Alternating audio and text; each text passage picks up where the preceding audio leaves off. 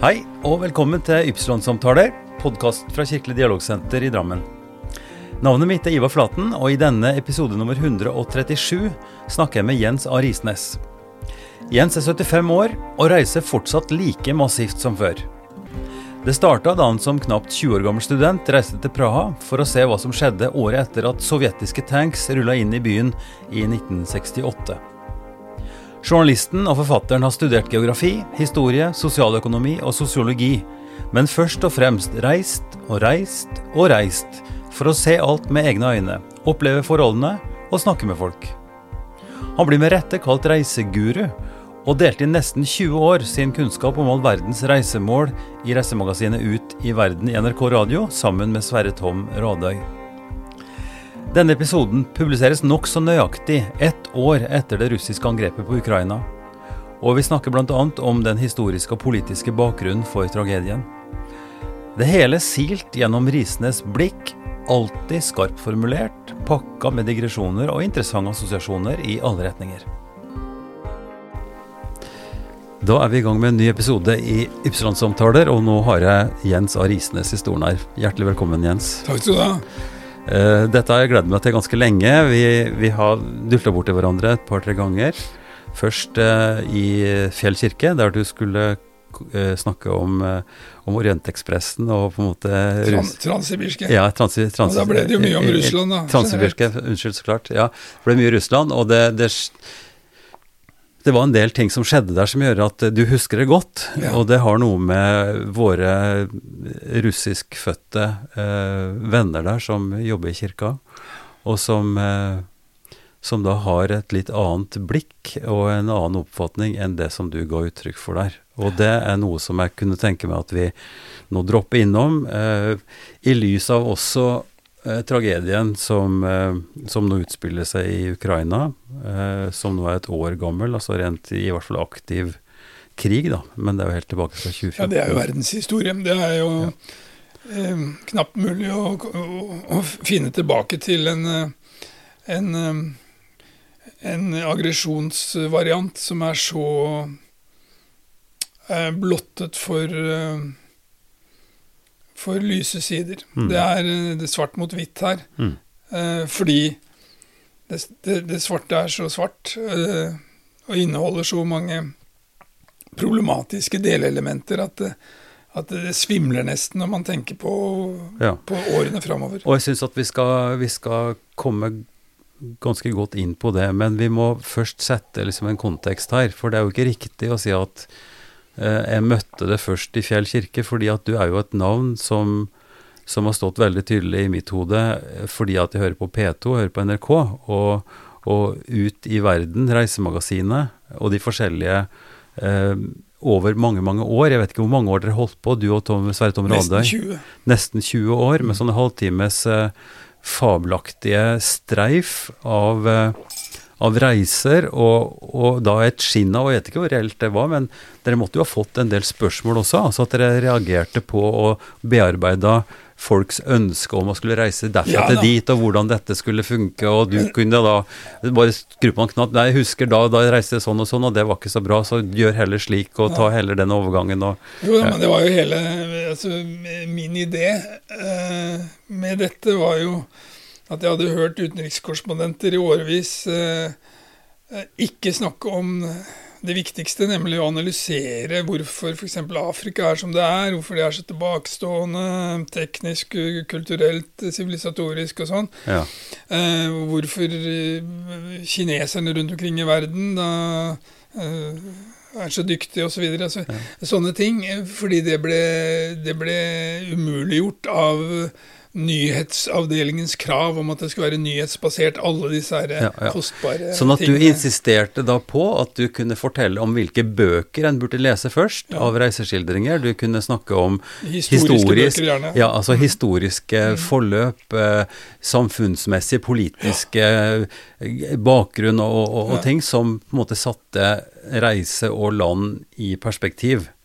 Så det, dette er jo det som på en måte har gitt meg den som, som, som, som gjør at jeg syns det var utrolig kult og veldig flott at du faktisk du, du er, bor faktisk i Drammen, og du er i nærheten, slik at du kunne komme, da, til, at du kunne komme til kirka og kunne snakke om dette her da, ut ifra din reisebakgrunn. Som Odysseus vendte jeg tilbake ja, til barndommens ja. trakter. Det er noe man gjerne gjør når man har hatt en noenlunde lykkelig oppvekst. Ja, ja, men uh, si litt om det, om oppveksten din. Dette er snakk på det er slutten av 40-tallet? Jeg, vokste opp på, jeg vokste opp på proletarstrøket Brakerøya mm. i Tomtegata. Ja. Og så hadde jeg besteforeldrene mine oppe i Fiffestrøket på Strøtvedt. Ja. Og lekekameraten min fra jeg var holdt på å si ett år gammel, det var sønnen til den rikeste mannen i Drammen. Ja. Som eide to papirfabrikker og to skip og masse skau i Telemark. Ja. Skalmarken. Ja. Så at eh, eh For meg var det det var ikke noe klassereise. Jeg beveget meg gjennom hele det sosiale spekteret uten ja, å selvfølgelig reflektere over det. Ja. Og jeg tror nok det har vært viktig, fordi eh, det, er, det, er, det, er, tøft å ta en klassereise fra proletært bakgrunn og så opp til liksom intellektuelle sfærer. Ja. Eh, jeg er veldig glad jeg har sluppet noe sånt. Mm. Eh, men ellers er det jo sånn at hvis man har en grei oppvekst. så... Uh, Fortell om den greie oppveksten. Hva var det? Hvilke familie ja, det, Jeg hadde en far som var handelsreisende, hadde bil. da, så mm. var han såpass Han var en innmari hyggelig kar. Mm. En veldig klok mann. Mm. Han øh, ville vel vært universitetslektor i historie, tror jeg, hvis ikke at familien var så fattig. Mm. De var lutfattige fordi de mistet faren sin. Eh, da de var liksom bare noen smårollinger. Og min eh, farmor Elise hun måtte da stoppe og reparere klær der i Vivelsadalen, hvor, ja. hvor min bestefar Jens A. Risnes for øvrig ja. Så det står på gravsteinen på ja. Drammen kjerkegård, så jeg trenger ikke å forandre på den når det er min tur.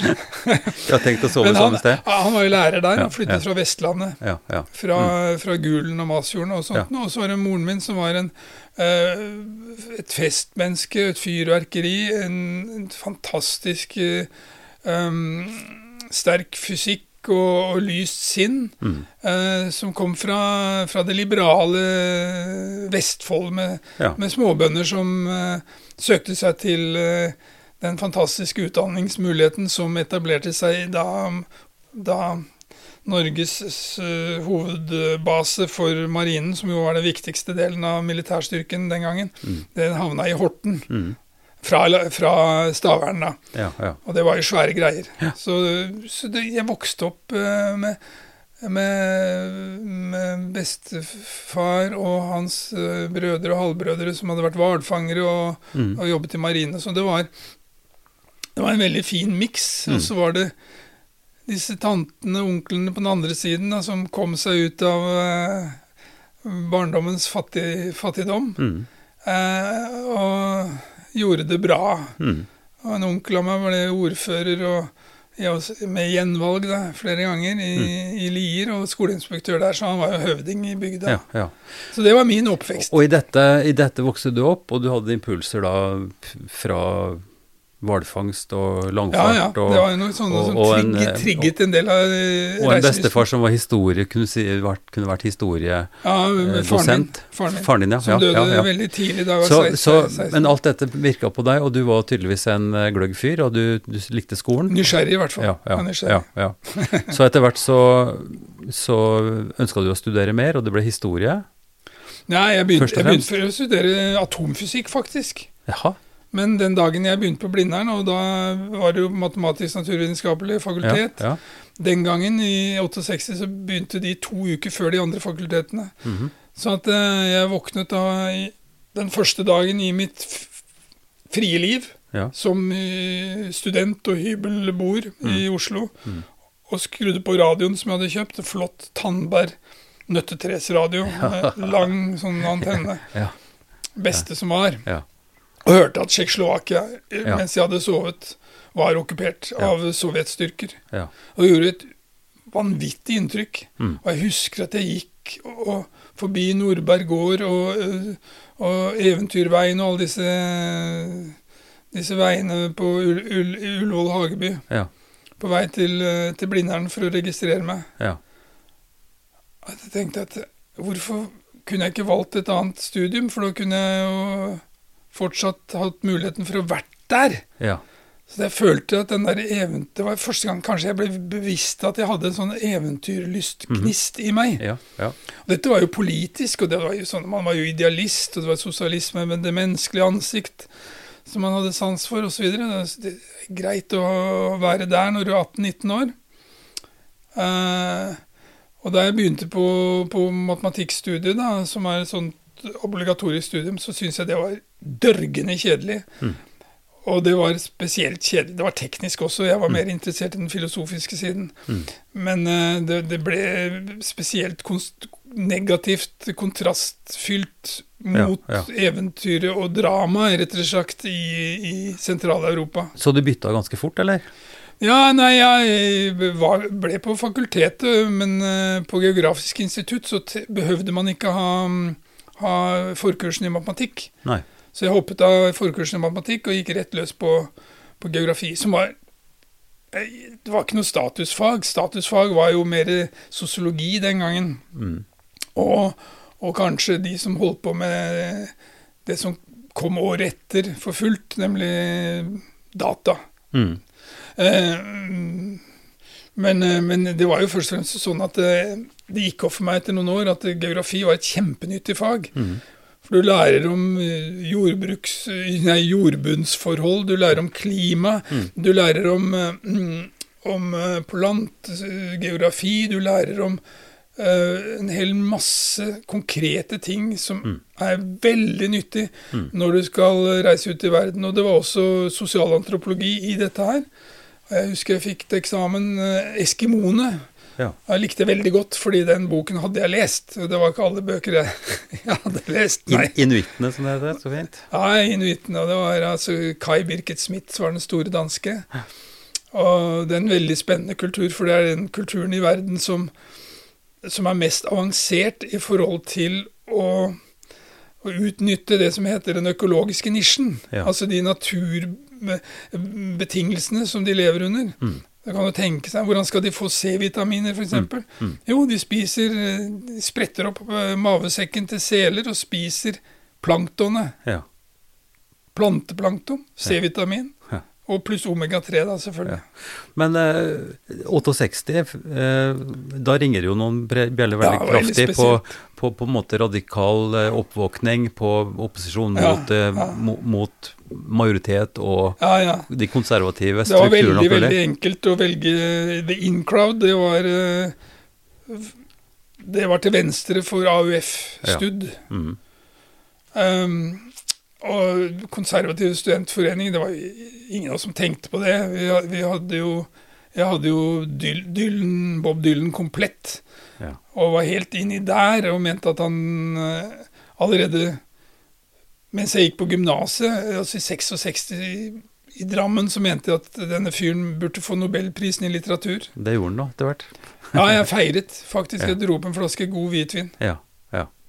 Og jeg- pleier ikke å drikke det uten å ha mat til, men så det var vel en halvtørr en, da, tenker jeg. Men i hvert fall, eh, 68 det, altså, det var en timing å, å begynne på dette her som var veldig spesiell og Ja. veldig flott. Og jeg, for min del så havnet jeg i det politisk korrekte ved at jeg tapte en diskusjon med en SF-lærer eh, på den skolen jeg tok et årsvikariat etter, etter jeg tok artium. Mm. Så leste jeg filosofiforberedende samtidig. Mm. Så, så jeg hadde det i lomma da jeg, da jeg liksom begynte konkret fysisk på Blindern. Mm. Men han, han øh, kjørte på Vietnamkrigen og bombingen. ikke sant? B-52-bombefly som slipper bomber ned i huene på saksløse bønder i Vietnam. Ja.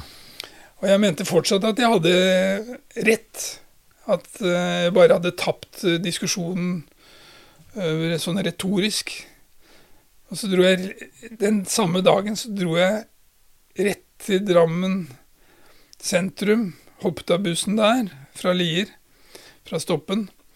Og gikk til Lauritzen bokhandel og fant en bok Den var riktignok på Pax forlag, Mhm. men den, øh, Den het 'Fakta om Vietnam'.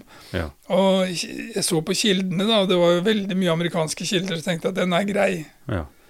Og etter jeg leste den boken, så, så var det eh, Så satte nok den i gang eh, videre den prosessen hvor jeg havnet da på det jeg kaller den politisk korrekte sida. Eh, hvor man da begynte å fordømme sånne ting som det utmerkede magasinet Det Beste.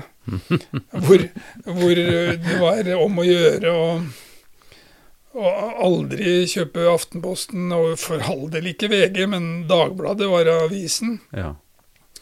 For jeg var jo på en måte liberal fortsatt i huet, og det fortsatte jo alltid med. Og jeg havna jo aldri organisatorisk i sirupen. Nei. Eh, definerte meg vel mer som en sånn hippie-type. Og sirupen er definert som Ja, det var ML-erne først ja, og fremst. ja, ikke sant? Ja, og de, de fleste kom seg jo aldri ut, og kommer seg aldri ut. For det blir for voldsomt å innrømme at de har kastet bort sitt intellektuelle liv, og det er spesielt det hvis du, hvis du har prøvd å være intellektuell. Det er jo å begå åndelig selvmord. Hm. Så det kan man ikke forlange, nesten. Selv om man har lyst. Nei, altså det er jo et eget svært kapittel, akkurat det der med hva Det som skjedde midt, rundt ja, det. det dro jo midtpålen politisk over til venstre. Ja. Det fikk jo implikasjoner i, inn i Kristelig Folkeparti. Mm. Inn i Til og med i, i det lyseblå Høyre. Mm. Og det var jo egentlig galskap. Det var jo som Ibsen sa, når utgangspunktet er som galest, titt resultatet blir som originalest. Originalest, Og det originale her, det var jo rett og slett å, å, å støtte de verste forbryterne i, i, i tiden. Eh, altså Stalin var jo gått ut, da, men eh, han ble prøvd å vekke til live igjen. Og så var det Mao. Mm. Og så var det da til og med Pol Pot. Ja. Så det er jo, og, og, og så endte det jo med at eh, Norge ble det første landet i den opplyste sivilisatoriske verden som fikk en representant i folkeforsamlingen til venstre for venstresosialistene. Mm. Som tidligere var kommunistpartiet, ikke sant? som sto til venstre for sosialdemokratiet. Men her hadde vi altså Folkvord som kom inn. Og nå har vi ti stykker. Mm. Det er et uh, meget betenkelig uh, holdt på å si sunnhetstegn. Det er jo tegn på det motsatte. Fordi, særlig fordi at veldig mange av de som støtter det partiet, de er unge. Mm. Og de har utdanning. Mm. Eh, så her er det jo noe som har gått gærent, for å si det sånn. Da. Men la oss, la oss ta, spole tilbake igjen, fordi eh, du plukka opp den boka om, om Vietnam. Du begynte å lese deg opp på det. Du var kommet inn i en fase hvor du så eh, Europa Det skjedde dramatiske ting der, og du syntes at matematikken ble for fjern og uinteressant. ikke sant? ja. Fordi at det er det kokende livet i, i det globale, altså global politikk, i, i, i politikken som, som, som eh, inspirerer deg til å både studere eh, altså geografi, som du har beskrevet, men også historie, og så begynner du å reise. Og, Og, det, og det er jo reise... Altså, sosiologi, så jeg var innom alle tre Ja, fakultetene ja. og tok eksamener der. ja. Og, Men også økologi. ja, økologi på, på Gløshaugen i Ja, på- Trondheim. på NTH. eh, NTH. Ja. Det var et såkalt postgraduate-kurs, som de sier på fint. Ja. Men, men jeg syns jo det er interessant, Og det var veldig, veldig i 74 var det tidlig. Ja, det der Så vi, ser holdt altså med, vi holdt jo på med skikkelige ting, som eh, å diskutere eh, termodynamiske lover og sånne vanskelige ting. Men Ja. vi var jo der. Vi var jo ikke, vi var jo ikke enkle i huene, for å si det sånn. Men eh, det var veldig artig å Minn komme års, til det miljøet. minn meg på årstallet. Når, når omtrent var dette? 74. 74. Jeg var ferdig det- på Blindern i 73 og Og dro fire- opp til Trondheim. 74 er samme år som, som Erik Damman inviterer til sitt store møte i var Ja, det, jo, han, det var jo en egen terapi. Så det, jeg var jo aldri med på det der. Jeg avslørte det med en gang. Og, og hva var det du avslørte da? Ja, at det. Han følte at verden var helvete, og da må du gjøre noe, ikke sant? Eh, og veldig mye positivt kommer ut av det. Men dette her ble jo en, en sekt. Og Ja, men det er en ganske stor sekt. Det var vel 10 000 som ja, ja, men det, det. var jo sånn at, eh, at eh, de, de som gledet seg over den aktiviteten, det var jo KGB i, i Sovjetunionen. Fordi de kjørte jo på å pushe opp under sånne mm, mm, samfunnskritiske, mm, organisatoriske elementer, som f.eks. særlig fredsbevegelsen. ja. Altså, som jo var helt i lomma på, på, på Sovjet. Og det, Jeg vet ikke om de behøvde å være så aktive, fordi det var mye sjøldrevet. Og jeg, jeg så jo på dette her fra, allerede fra 67, og så spilte jeg basketball for studentlaget på, på, på Oslo universitet mm. helt fram til 84. Mm. Så jeg var, hadde nærkontakt med universitetsmiljøet i, i 17 år. Mm. Men, men, og, og, og, jeg så jo hvordan, hvordan idealismen mm. eh, på mange måter var helt sjøldreven i mange tilfeller, altså. Ja, det vil, jeg, det vil jeg håpe på, og, og kanskje be om eh, til og med litt forståelse for. fordi jeg er jo av de mange da, som, som har deltatt i det her, og som har hatt den impulsen på at at det må gjøres noe. Vi er nødt til å forandre på den stilen, for nå liksom, det blir for stort eh, forbruk osv. osv. Ja, og så angriper man, eh, man eh, i praksis eh, de demokratiske landene i vest og særlig fikk det ut, uttrykk ved at, at, man demoniserte Nato mm. og USA. Det er så lett å gjøre, fordi at eh, amerikanerne såpass, har såpass sterk selvfølelse at de sier OK, dude, it's your opinion, så mm. I have to accept that. I can't do mm. anything with it. Mm. Tenkte sitt, selvfølgelig. Uh, og, og, det kunne man si var, var, Det var, er jo litt feigt, selvfølgelig. Særlig på bakgrunn av at det, hele denne tiden så hadde man et monster av udemokrati, av usivilisasjon. Og, og, det var jo et problem for alle anstendige krefter i vest. Hva skal du gjøre med dette her? Mm. Og da ble man jo enige om, da pga. han der eh, Kennan, som var den store eksperten på, på Sovjetunionen, at man skulle man skulle holde dem, holde dem i sjakk. Containment, som det het. Mm. Og, den politikken, den, eh, den var den vi førte. Den var veldig defensiv på mange måter, og de mm. aggressive var jo russerne. Og de pøste på med det eneste produktet som var konkurransedyktig i verden, nemlig Kalasjnikov-geværet, og sendte det til Afrika. Sendte det til, sammen med masse andre ting til Vietnam og pøste på med den ideologiske eh, bakgrunnen som gjorde at veldig mange trodde at de sloss for den gode sak. Mm. Så å bruke Vietnamkrigen for eksempel, som eksempel på hvor jævlig det sto til i vest, det er helt misforstått. Fordi var, aggressorene var Moskva, ikke så mye Kina. For det har jo vært en mm, mm. animositet gjennom lange lange tider, gjennom tusen år, mellom Vietnam og Kina. Ja. Men vi så jo det i Koreakrigen. Mm. Tenk på hvordan det hadde gått med Sør-Korea hvis man hadde gjort det samme med dem som man gjorde med Sør-Vietnam. Mm. Og jeg hadde i mange mange, mange år en vietnamesisk fastlege som var ekte flyktning. Mm. En av de få ekte flyktningene i Norge. Mm. Båtflyktning. Ble plukket opp i Sør-Kina-havet av en Wilhelmsen-båt, og derfor så mm. havnet han i Norge. Mm.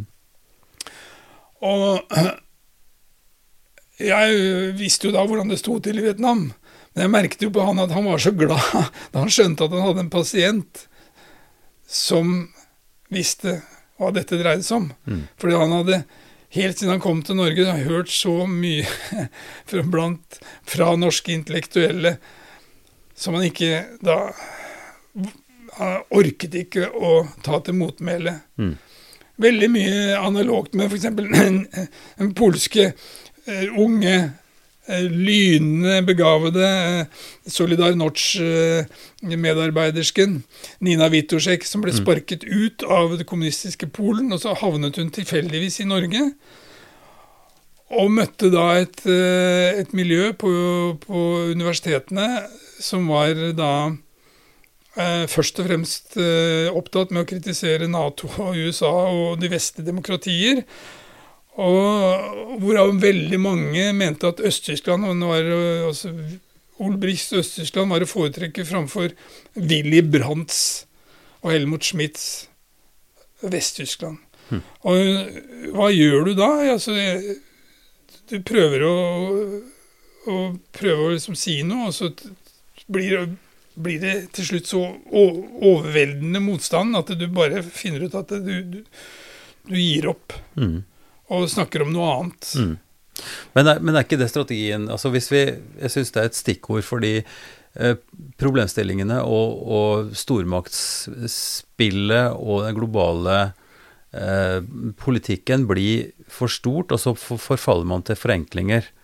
Uh, og ikke sant, du, du har den uh, Idealisme er farlig. Ja, altså, idealismen, men forståelsen av at vi, vi, forsøker oss så godt vi kan i spennene mellom stormaktene, og der det er atomkrigstrussel og spennings... Uh, altså en, en, justering da, av frontene. Jo, men det går jo an å sånn. bruke den andre hjernehalvdelen, mm. og ikke bare la følelsene overta. Fordi mm. følelsene så følelsesintelligensen, det er jo magefølelsen, det er jo det er den opprinnelige. Så jeg pleier å si det til unge mennesker at hvis det er konflikt mellom uh, følelser og intellekt, så la, mm. hør på følelsene. Men av og til så, uh, så blir det gærent hvis man ikke gidder, eller kan, for noen er jo tallblinde, mm. faktisk, og had, greier ikke å forstå statistikk. Mm. Og da, da har man et kjempehandikap når det gjelder å, å, forstå en del ting ute i verden. Mm. Men jeg mener, når, når tanksene ruller inn i, i, i, i Øst-Berlin og i Warszawa i 53 og i, i, Budapest i 56 og i Praha i 68, så bør det gå opp noen uh, små um, lys for, eh, for, en som er noenlunde eh, intellektuelt oppegående. Mm. Men det er noe så underlig, da. Som George Orwell var jo den første intellektuelle som, som tok for seg det, dette fenomenet. At det er ingen som kan ta så feil som nettopp intellektuelle. Men altså, det er jo kanskje fordi at det er elfenbenstårn, de har, de har hodet i skyene, og de, de, de er skrudd sammen personlighetsmessig, sånn at de har trøbbel med å forholde seg til konkrete virkeligheter. Mm. De, de, de, de, driver ikke business, f.eks., eh, hvor du må forholde deg til masse sånne ting som krever hjernekapasitet, men mm. du må forholde deg også til, til, menneskene som da eventuelt jobber for deg, eller du jobber sammen med. Mm. Eh, konkurrentene eh, hjemme og ute. Mm. Eh, helt basic. Mm. Uh, mens hvis, hvis, du driver bare på, på, på det intellektuelle planet, så, så, har man så lett for å forholde seg til, uh, til, egne konstruksjoner. Og de er gjerne laget sånn at de passer en psykologisk best, mm. så at man har det behagelig. Mm. For det er ikke særlig behagelig å, å f.eks. måtte innrømme at man har tok, tatt feil. Vi gjør gjerne ikke det. Vi prøver helst å ha rett hele tiden. Men, mm. men George Orwell, han, han dro jo som så mange Eh, som var skikkelig liksom, eh, Som hadde guts. Så dro han eh, til Spania for å slåss mot de reaksjonære konservative, da. Mm. For det var jo det. Det var de konservative mot de radikale fremskrittsvennlige. Mm. Mm. Problemet med de radikale fremskrittsvennlige var at det var jo Stalin som, som, som styrte dette her, uten at de var særlig klar over det. Det var jo masse forskjellige grupper. Mm. Eh, idealister fra mm. venstresiden.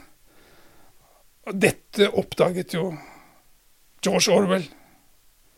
Og skrev da den boken som han hele livet etterpå mente var den boken som var viktigst.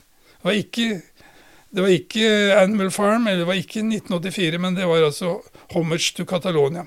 Det var den, for han den viktigste boken. Mm. Fordi da, da, så han det som var så viktig, og som gjorde at man kan si at det, at uh, han var en ekte intellektuell.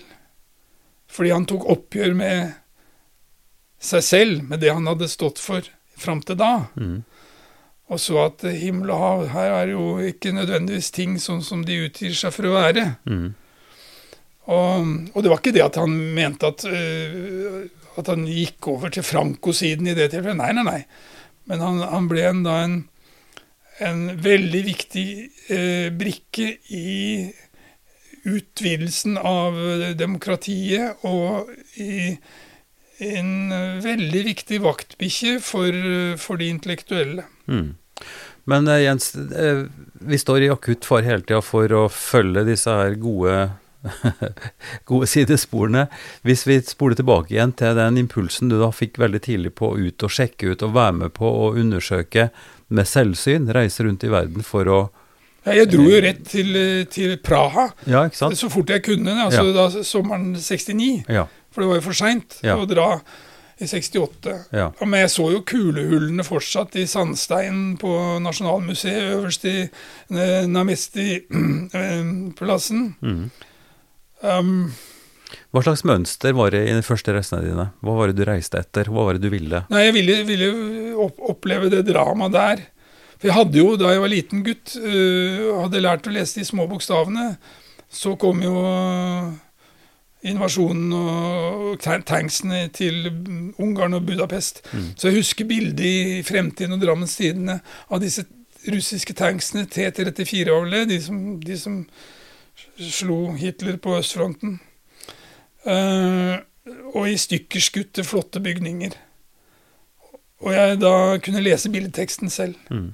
Og det, det var dramatisk, selvfølgelig. Mm. Så gikk det jo bare tolv år til, og så Mm. var jeg da, da 18-19 år og, og følte det veldig sterkt. Eh, Og det som skjedde da i Praha på det første besøket, det var jo da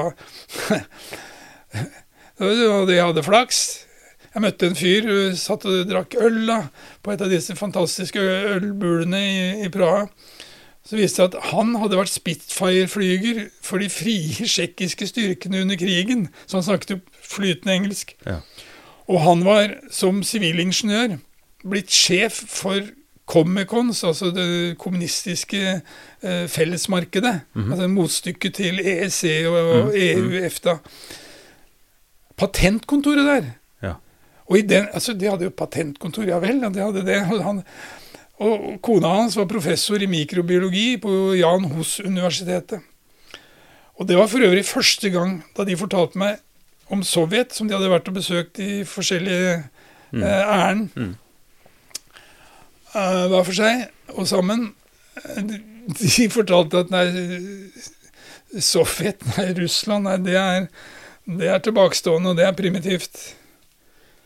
Uh, og da ante jeg at det var liksom to to jerntepper i Europa. Mm. Et mellom Vest-Europa og Øst-Europa, og så var det liksom som vi kalte det. Og så var det mellom Øst-Europa og Russland. Mm.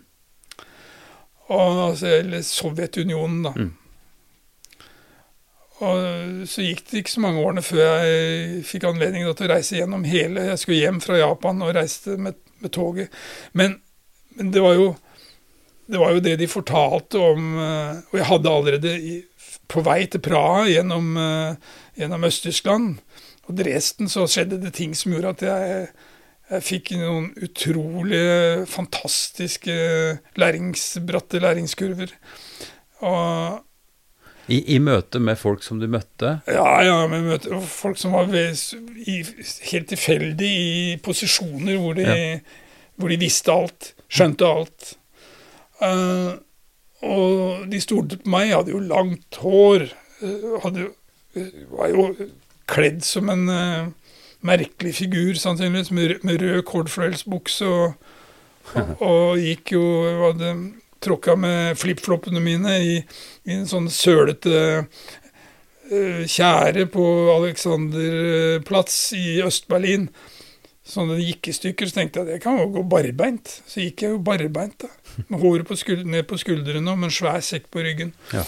Så, så jeg var vel sånn sett en type som var Og så snakket jeg tysk. Mhm. Ganske flytende. Mm. Eh, hadde hatt en, eh, en lektor fra Trøndelag som var så spydig som bare trøndere kan være. Så jeg turte ikke å være uforberedt i tyskleksene. Veldig glad for det. Takk for spydigheten kan brukes til så mangt. Og det var veldig viktig, for alle gamle mennesker i Øst-Europa snakket tysk. Ja, Hvis de skjønte at du ikke var tysker. Mm. Ja. Hvis de, hvis de trodde de var tysker, så var det veldig ofte at de bare lot som de ikke forsto. ja, Og det kunne man jo forstå. ja, Så men det var, jo, altså, det var jo en pangstart. ja. Og jeg, jeg skjønte ikke det med en gang, men uh, så fort neste sommer kom, så haika jeg jo samme vei tilbake. For da var det ut, da var det ut å oppleve, snakke med folk, og så Ja. var det tilbake igjen til moderhuset, til, universitetet, for å lese. Ja, jeg måtte jo Jeg var jo student. Altså, jeg hadde jo eldre søsken, så jeg visste at uh, å studere var én ting, men det viktigste var å være student. Mm. For det var jo morsomt. Det var det jeg skulle si, at, eh, at eh, det er et eller annet med det å, for, å forstå sammenhengene her. Ja. Og jeg ville, ville liksom prøve å, å finne ut av hva i all verden hvordan kunne Europa, eh, mitt eget land som tilhørte liksom å være Europa eh, Riktignok en fattig fortid eh, som koloni under Danmark osv. Men vi hadde Snorre, så vi greide å bruke den til å befeste vår, vår selvtillit. Og, og, måtte skuffe da Oskar 2. om at nei, vi, vi, vil ikke være sammen med dere lenger. Mm. Og så kom 1905 og osv. For øvrig 1905 for, for fattigfolk i Norge da, som, som var, reiste til Nord-Amerika hele mm, tiden. Mm, mm det var jo like så viktig det som foregikk i Karlstad og i Stockholm, mm. som det som foregikk i Rjukandalen. Mm. Altså begynnelsen på norsk industri, for mm. da kunne de velge å være hjemme. Mm. Kan jo kona drive gården, og så kunne mannen jobbe på industrien. Og mm. Siden har jo ikke Norge sett seg tilbake. Men, men, eh, men når det gjaldt min egen greie i Øst-Europa, så var det sånn at når du kommer til en by som Praha da skjønner du jo hvor fattig Norge hadde vært, når du mm. sammenligner ho vår hovedstad med mm. mm. tsjekkernes hovedstad. Ja. Og jeg, jeg, opplevde jo gjennom dette ekteparet, da, at eh, også konkret at det, det intellektuelle, det sivilisatoriske nivået, det kulturelle nivået, var jo, var jo skyhøyt. Mm på mange måter. Mm. Men, men, altså undertrykt politisk. Altså den mm. uh, ytringsfrihet, talefrihet, pressefrihet, mm. forsamlingsfrihet. Mm. Alt det der var nede. Alt det som er kjernen. Men, men, men det som også var interessant, det var at når jeg kom tilbake til Blindern, liksom, så greide jeg liksom ikke å Ennå den gangen greide jeg ikke Det tok noen år å, å konvertere det jeg hadde sett i virkelighetens verden, inn i min egen øh, psykologi. Øh, inn i min egen, skal vi si, narsissistiske idealisme. Fordi at det var veldig viktig å være med in crowd, selvfølgelig. Mm. Uh, med mindre du hadde en veldig sterk personlighet. Da kunne du gi blaffen. Mm. Eh, senere bygde jeg vel opp min personlighet til å bli sterk nok til å kunne være selvstendig i den sammenhengen og begynne å kritisere mm. eh, på min måte eh, den intellektuelle venstresiden, som har fått leve veldig, veldig eh, fritt og, og ukritisert. Eh, men det må jeg jo si at eh, nå, når det er liksom så svart-hvitt, og det er bare det er bare på en måte stakkarene som ikke ser eh, forskjellen på rettferdighet og urettferdighet her mm. i forbindelse med, med, med, Ukraina og Russland, det har fått øynene opp for mange på venstresiden. Så SV har jo endret synspunkt på Nato. Mm. Mm. Og dette er en prosess som kommer til å gå, og det tror jeg men, men si litt, er, er, viktig. Jens, si litt om den intellektuelle dissonansen. Altså det at det du opplever, det ja. du hører, det du forstår ute, og det du kommer hjem, og så er det litt in-crowd, som du sier. Altså det som er kommer få, det som er vanlig tankemåte, og det som er svarene. Der er det en dissonans. Og, ja, det er det. Går det an å si noe konkret og litt enkelt om hvordan den blir rydda opp i eller, eller ja, altså, løst opp? Det, det, viser jo hvor vanskelig det er å innrømme for seg selv at uh, en del av disse ideene man har, har liksom trodd på eller støttet, det, det, blir jo litt sånn kaotisk, men altså man, man, følelsesmessig så er det vanskelig. Um, det er sånn med den ene hjernehalvdelen som sier at dette er forferdelig, og så videre. Men dette er kompliserte greier. Mm. Mye mer komplisert enn den atomfysikken jeg trodde jeg skulle begynne å studere. Mm. Det er enkelt. Eh, alt som har med verden og menneskene å gjøre. Mm. Alt fra enkeltindividets uh, tumling med, med, med, forholdet mellom intellekt og følelser og sånn, til, til, eh, noen milliarder mennesker som skal samhandle i dette her. Ja. Um, da blir det atomfysikk, elementærpartikkelfysikk, det mm. blir enkle greier. Det er en mm. sak for eh, nerder. Ja. Mens det andre det krever så mye at man får bare være fornøyd med at man beveger seg litt i riktig retning gjennom sitt eget liv. Ja, ja. Eh, hvis, man, hvis, man, er interessert i det, da. Og det er jo de fleste av oss er jo det. Vi, er jo, vi lever jo dette ene livet på dette ene stedet, ja. på denne kloden. Og, og de fleste av oss uh, har jo ikke noe Selvfølgelig per definisjon noen konkrete forestillinger om, om uh, Ja, noen har det. De sier at vi blir til mull og sånt. Ja, noe. ja, ja. Derfor syns jeg det er så flott, det derre eh, ritualet med at det, av jord har du kommet, til jord skal du, og så av jord skal du oppstå. Mm. Ja, det oppstår da, som, som min gamle lærer Per Hafslund det, du blir en blomst, eller du blir et grantre. Du Ja. blir et eller annet sånt. Men, men, la, men la oss bli i den, eh, i, i- den tanken og i den erkjennelsen som jeg de- de- deler fullt ut. Altså at vi, vi er her, eh, vi er nå i en kontekst, i en verdenssituasjon. Vi, vi har en, en orienteringsevne, så vi kan navigere i retning av noe som vi mener og har en viss trygghet på er bedre enn noe annet.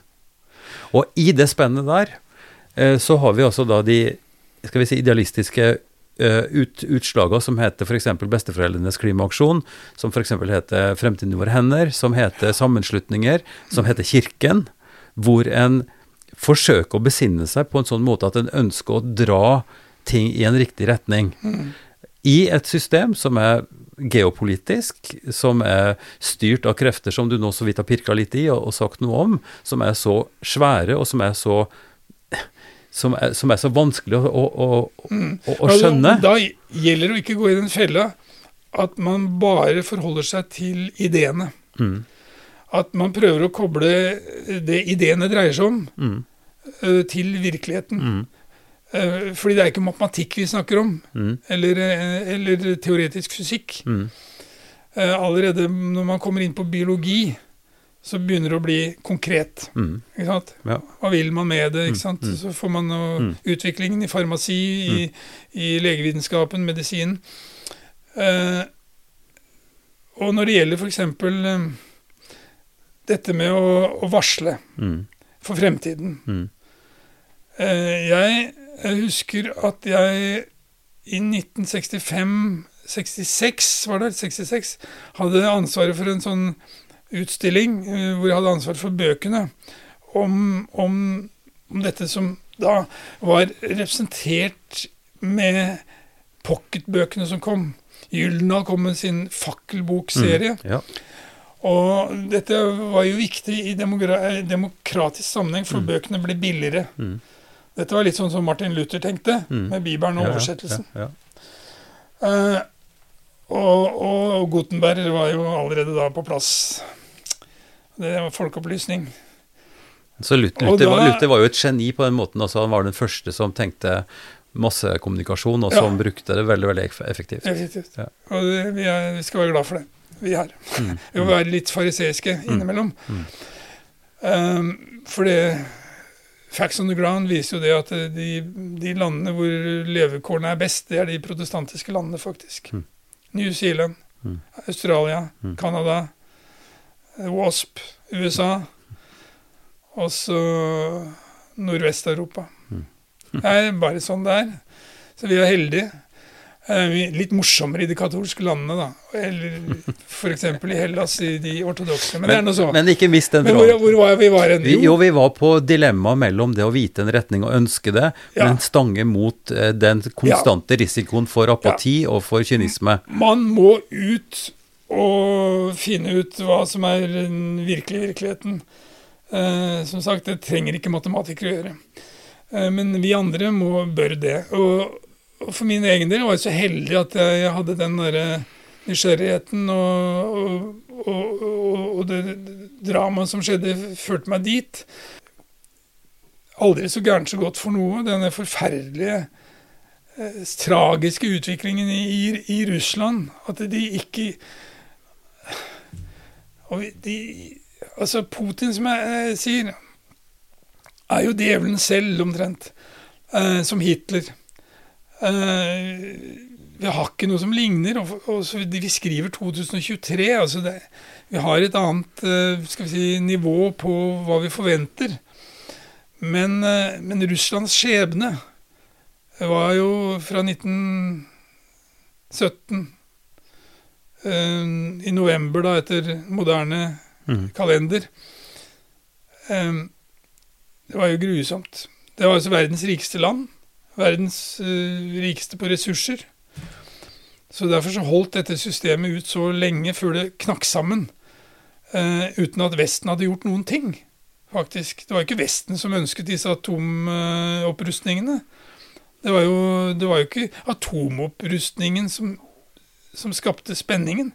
Det var spenningen som skapte atomopprustningen, og vi vet hvem som skapte spenningen. Det var jo ikke, altså Til og med USA var jo ikke interessert i å krige, de var interessert i å handle. Handle business.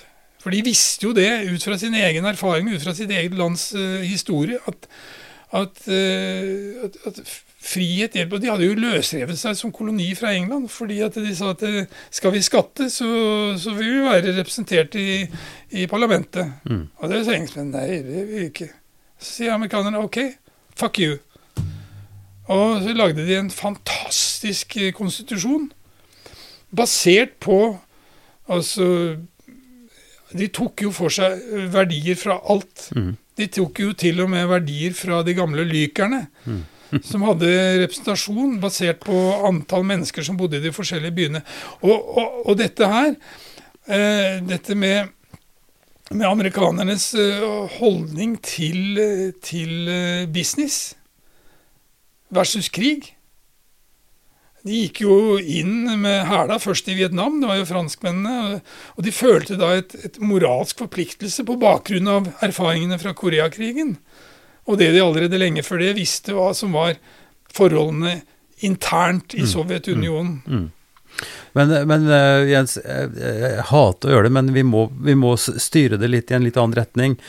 Og da i retning av konflikten som vi starta med i dag, altså Ukraina. Russland, som vi nå har snakka ganske mye om, men disse her Den store store delinga liksom i Europa og i verden og interesse, interessesfærer. Kan en kanskje si at nei, det er Kina som er den største nå, Russland er mindre, mindre farlig, men allikevel mer rom til å kunne Begge agere? Begge er marxistisk-leninistiske, ja, og der ja. ligger hunden begravet. Ja. Det er helt mm. klart, og du ser det, ser det på samtlige land. Jeg er kanskje den eneste nordmannen som i, i, i, en periode på snart 60 år har reist på kryss og tvers i alle landene, også i de landene som greide etter kommunismens uh, fall i Russland, eller kommunistpartiets fall. Mm, mm. Det er jo litt sånn paradoksalt å tenke på at uh, så lenge kommunistpartiet styrte Sovjet, så styrte de også KGB. Mm. Og nå er det KGB som styrer. Mm. Og de verste utskuddene i KGB, faktisk. Men altså, jeg har vært på kryss og tvers. Mm. Ja, samtlige. På Cuba, Nord-Korea, mm. Kina 20 ganger. Mm. mm. Eh, Sovjetunionen 20 mm. ganger. Mm. Og veldig bevisst måte å reise på. Eh, Kaukasus, Baltikum, eh, Sentral-Asia Masse. Mer enn noen annen. Fordi at eh, jeg har ikke behøvd å sitte ved et skrivebord forholde meg til uh, Du har gjort det til levebrød. Du skriver, du produserer, du Ja, jeg har jo ja, jobbet, jobbet, nok til å Forfatter. kunne ha en pensjon som jeg er fornøyd med. Og dessuten, når du har reist så mye som jeg har, så får du veldig sunn økonomi. Ja. For du, du, du blir ikke materialist, for å si det sånn. Uh, annet enn på det som man, man, trenger for å gjøre de tingene man har lyst til å gjøre. F.eks. ha et par gode ski og ja. um, gode, gode, sykler og ja. Ja. gode ryggsekker. Ok, og, Men du har reist rundt omkring, og du har danna deg et bilde, og, du har fått erfaring. Ja, ser jeg jo det at, at uh, Det var jo en tragedie at, uh, at Jeltsin valgte Putin. Altså, det må ha skjedd i fylla. Mm. det kunne vært en i og for seg en vanlig dag for Jeltsin. Eh, han var jo fullblods alkoholiker på slutten, i hvert fall. Sånn som mange russere. Mm. Tragisk er. Det er jo folkesykdom nummer én. Mm. Og det, det, kan man ikke si om Putin. Mm. Men, men en, eh, hans KGB-bakgrunn var jo den dårligste. Men han er, var en sånn type som snakket folk etter munnen. Mm. Uh, litt sånn som Treholt, som ble oppfattet som sjarmerende. Men det var fordi han aldri sa 'hva fanken er du mener med det der'? Mm. Det er jeg helt uenig med deg i. Du må gå hjem og gjøre hjemmeleksa di, gutt. Mm. Sånn som sånne sterke personligheter som Jens Christian Hauge eller eh, Tja Selvfølgelig Håkon Lie, mm. sagt. Men, men eh, Så han lurte folk litt. Eller, til og med han ekte sjarmøren eh, mm. Jens Evensen ble jo lurt. Men, men, men, men Og Jeltsin var da Altså Gorbatsjov, Jeltsin, Putin. De to første Gorbatsjov, eh, anstendig menneske. Han trodde på kommunismen. Han var eh, idealist. Mm. Trodde bare at det, det måtte bare repareres og, Mm. og, og gjøre noen eh, bidrag. Han forsto ikke at det var et korthus. Han Mm. forsto ikke at det var Det var ikke bare amoralsk, det var umoralsk. Mm. Det var en forbrytersk ideologi, en forbrytersk system. Det, det, det skjønte han ikke, fordi han var heimeblind på det. Mm. Og eh, Jeltsin i sine mer edruelige øyeblikk skjønte dette. Og gjorde derfor det han gjorde. Altså, begge spilte fantastiske historiske bidrag, eller bi bidro.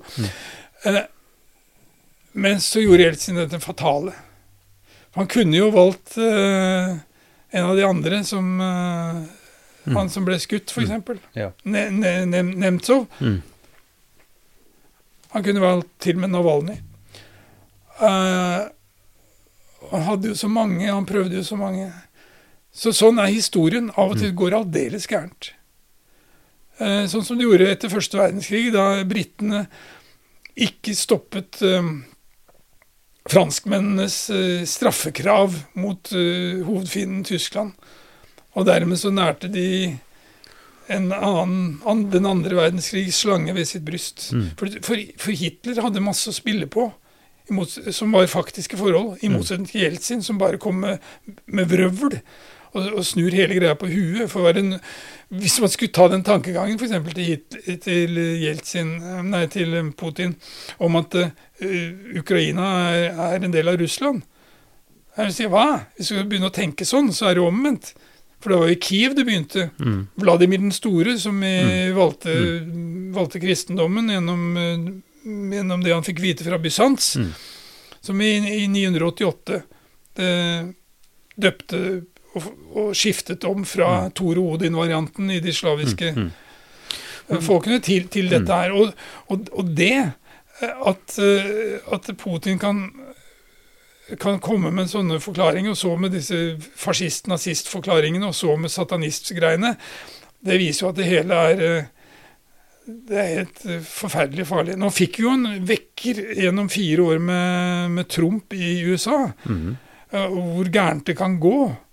På en helt annen måte, av helt andre grunner. Eh, Men det viser jo begge deler hvor. Hvor, hvor, hvor umulig det er å forutsi historien. Ja. Og det kan vi heller ikke gjøre nå. Vi vet ikke hvordan det kommer til å ende i Russland. Og det er fortsatt verdens rikeste land på ressurser. Ja. Eh, situasjonen i Ukraina nå med større og større involvering av både Nato og, og først og fremst USA, naturligvis. Ja, ja, er du eh, gæren. Mot, eh, Det må til. mot, ja, ja, mot, mot Russland, og det er en krig, en slags proxykrig på én måte, men allikevel eh, høydramatisk. Går den kan, kan, man, kan, man klare å, kan man klare å vinne den krigen? Ja, man må. Dette er som, akkurat som i forholdet med, med, med, med Hitler. Det er, det er ikke noe valg. Altså, Putin har jo passert alle røde linjer som finnes, og, og, noen, og noen til. Det er sånn at det, det går over i den uh, litterære sfæren. Nå er, kan jeg jo tenke meg at uh, nå jobber vel sånne som Spielberg og, Silicon Valley og Hollywood og mange andre glupe mennesker. De jobber jo med, med konsepter eh, som skal eh, som skal ha til, eh, til hensikt å, å bidra til at rettferdigheten skjer fyllest Mm. på en måte som gjør at kommende generasjoner kan ha nytte av det. Så, så de lærer å passe på å ikke gjøre noe tilsvarende igjen og gå i de samme fellene. Dette er ekstremt kompli, kompli, komplisert. Det som ikke er komplisert, det er å forholde seg til, til uh, det, det gode-onde-aksen her. Mm. Fordi her, med, med alle mulige slags uh, uh, Skal vi si eh, forbehold og korrigeringer og, kontro, kontrolleringer av forskjellige detaljer, Mm. så er dette noe som ligner altså det abs mest absurde svart-hvitt-konflikten som finnes. Og Derfor så har det vært så lett for Nato å samles. Der- Derfor gikk Sverige og, og Finland rett inn Mm. i Nato. Og, og eh, eh, Det er altså aldri så gærent så godt for noe. Det vekker en del villfarne, eh, begavede mennesker i de, de søkkrike landene i vest. Og, og eh, de med doktorgrader og, og, og masse universitetsbakgrunn, også de villfarne intellektuelle. Og det er veldig viktig, for vi trenger dem. Eh, det er ikke, altså Næringslivet de er jo de som har peiling på virkeligheten, mm. faktisk. Mm. Men de driver jo ikke med det. De, de, holder på med å tjene penger. Sånn at uh, at basisen, basisen, er i orden. Der er jeg marxist. Det, basis må være i orden. Men mm. Marx skjønte jo ikke noe. Han var jo skrivebordsteoretiker. Men, men vi, står, vi, står, nå i en krig i Europa, vi står i en krig som utvikler seg dag for dag, og som blir verre og verre. Ja, for russerne blir den verre og verre. Og, og større og større innsatsfaktor, ja. også via uh, våre krigsindustrier osv. Ja, det må til. Og det er jo klart at, det, at det, Jeg vet ikke om uh, Oljefondet har nå gått inn og kjøpt eh, ekstra aksjer i krigsindustrien. Jeg ville gjort det hvis jeg var det. Fordi du kan ikke anklage krigsindustrien for å ha skyld i dette her. Det er jo å snu, snu, mm. ting fullstendig på huet.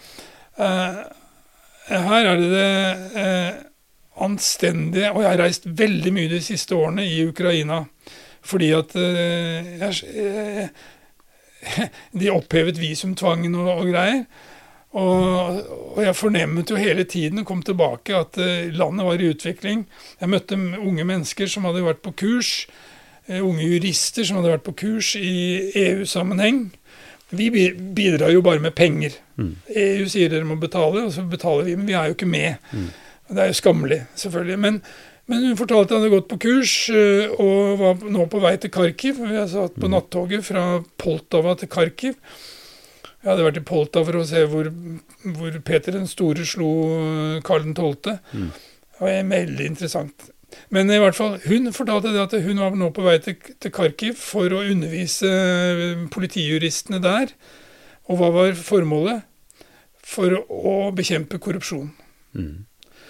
Og korrupsjonen i, i, alle de postkommunistiske landene som ikke eh, fikk eh, gjennomgå den der utrolig raske oppryddingen som f.eks. Estland, Latvia og Litauen. Det er helt utrolig mm. um, hvor raskt det gikk. Og i Polen. Og det, det har en regjering som ikke alle vi i vest er fornøyd med, men det ordner seg nok til neste valg, tenker jeg. Og det samme i Ungarn, hvor regjeringen er enda mer problematisk, men det er, det er peanuts i den store sammenhengen. Og Romania er mirakuløst og det viser jo også hvor, hvor uh, på sin side hvor håpløst dårlig det, andre, det gamle systemet, uh, alternative systemet var. Det hadde mm. ingenting å farme. Det hadde bare negative sider. Men, men Ukraina var på vei. Skikkelig på vei. Mm. Og jeg var der, altså, reiste mye der før, før, før 1913-14. Mm og masse etter. For jeg så jo Putin i, i Sotsji, hvordan han reagerte. og hvordan De drev jo også med, med, med, statlig altså KGB hadde jo en underavdeling som drev med doping. Mm. Og det er liksom Det hoper seg opp med forferdelige ting. Så Så hvordan det skal gå um, Nei, vi får bare sørge for at russerne blir slått så grundig at eh, det kommer en, eh, en, form for reaksjon mot det sittende regimet. Men det sittende regimet er da bygd opp gjennom Putins 20 år. Mm. Så får vi se hvor sammensveiset det er. Vi, vi, trodde jo alle, vi som hadde brukt år av våre liv mm. med forskjellige eh, skal vi si, personlighetstyper og bakgrunner Vi kunne være uenige om mye forskjellige ting når det gjaldt eh, forholdene i de kommunistiske landene forholdene i Sovjet spesielt. Men det var én ting vi ikke kranglet om, og det var følgende at, fordi systemet var så monolittisk og så pyramideformet, makten satt på toppen, mm. uh, så ville det ikke skje noen forandring der. Det ville aldri skje. Men så kommer da skjebnen i form av Gorbatsjov. Mm som, eh, som, kom inn som da fjerde varamann etter at de ene hadde daua etter den andre. Eh, Andropov han var jo farlig. Det viste seg, Jeg trodde Andropov var en moderne mann fordi han kom fra KGB. Han var jo KGB-sjef. Men han var også den som i 1956, som ambassadør for Sovjetunionen i Budapest, trykket på knappen. Mm. Og jeg var naiv, for jeg, er optimist av natur, så jeg trodde at da skulle det bli Han var farlig. Så det var godt at han eh, døde av nyresvikt, og så kom Tsjernenko, som var allerede på dødens rand, og så, så hadde de ikke flere igjen. Så måtte de henvende seg til uh, denne juristen, som var nærmest et normalt menneske. Mm. Gorbatsjov. Anstendig. Men nå, hva som skjer nå, når uh, russerne blir slått sønder og sammen på slagmarken de, de er jo allerede slått sønder og sammen, og de, alt tyder på det. Så nå håper jeg bare at uh, Og ukrainerne har jo de beste soldatene i verden nå. Det er jo folk som kommer fra ingeniørjobber og fra, fra lærerjobber og, og fra, fra datajobber og sånn, mm. som ellers overhodet ikke ville tenke seg inn i hæren. Mm. Så jobber de nå sammen med en vanvittig sterk eh, motivasjon. For den som ikke skjønner at de ikke blir motivert av at uh, boligblokker blir bombet sønder og sammen med, med bl.a. raketter som er, mm. er konstruert for å, for å, ta de største amerikanske hangarskipene, mm.